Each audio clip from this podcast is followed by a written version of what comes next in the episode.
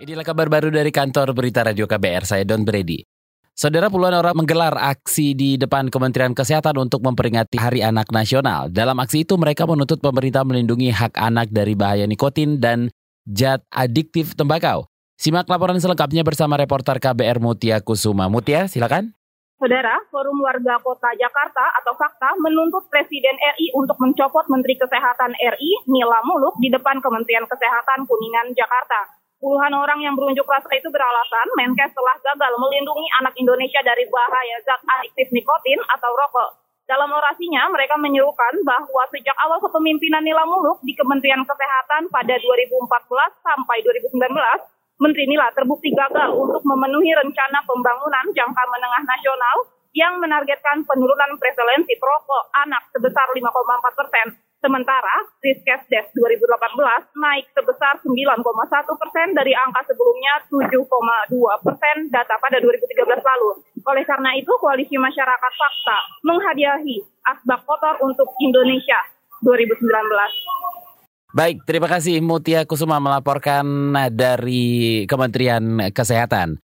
Saudara nilai tukar rupiah melemah pada pembukaan perdagangan pagi ini. Kita simak laporan selengkapnya bersama reporter KBR ada Reski Novianto dari Bursa Efek Indonesia, Jakarta. Saudara, saat ini di Bursa Efek Indonesia nilai tukar rupiah terhadap dolar Amerika Serikat terdepresiasi pada pembukaan perdagangan pasar spot pagi ini Jumat 26 Juli. Pembukaan akhir pekan ini rupiah melemah 18 poin atau turun 0,14 persen menjadi 13.995 per dolar Amerika Serikat. Padahal, jika dibandingkan dengan posisi penutupan perdagangan Kamis kemarin, mata uang merah putih masih berada di level 13.977 per dolar Amerika Serikat. Sementara itu, itu masih berdasarkan pantauan KBR, indeks harga saham gabungan atau IHSG di awal perdagangan pasar spot pagi ini dibuka ikut melemah 29,10 poin atau turun 0,45 persen ke posisi 6.372. Pelemahan ini menjadi tren buruk bagi IHSG. Pasalnya pada akhir perdagangan Kamis kemarin, IHSG masih berada di level 6.401.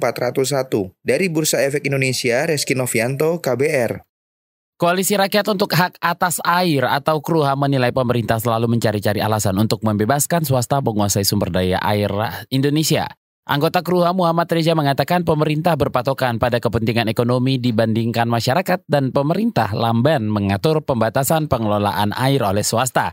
Reja menyebut rancangan undang-undang SDA tidak penting untuk disahkan jika mementingkan keuntungan pengusaha saja liberalisasi airnya itu lebih lebih maju daripada pengaturannya. Nah, di saat ada itu menghasilkan situasi di mana terjadi monopoli oleh swasta dan peran negara sangat terbatas. Nah, dalam proses itu eh, sering kali memang swasta lebih kuat. Bahkan mereka diwakili oleh Kementerian Perdagangan, Kementerian Perindustrian. Jadi DPR sulit maju sebenarnya. Anggota Keruha Muhammad Reja menambahkan persoalan SDA adalah urusan pemerintah dan masyarakat dan bukan persoalan pengusaha.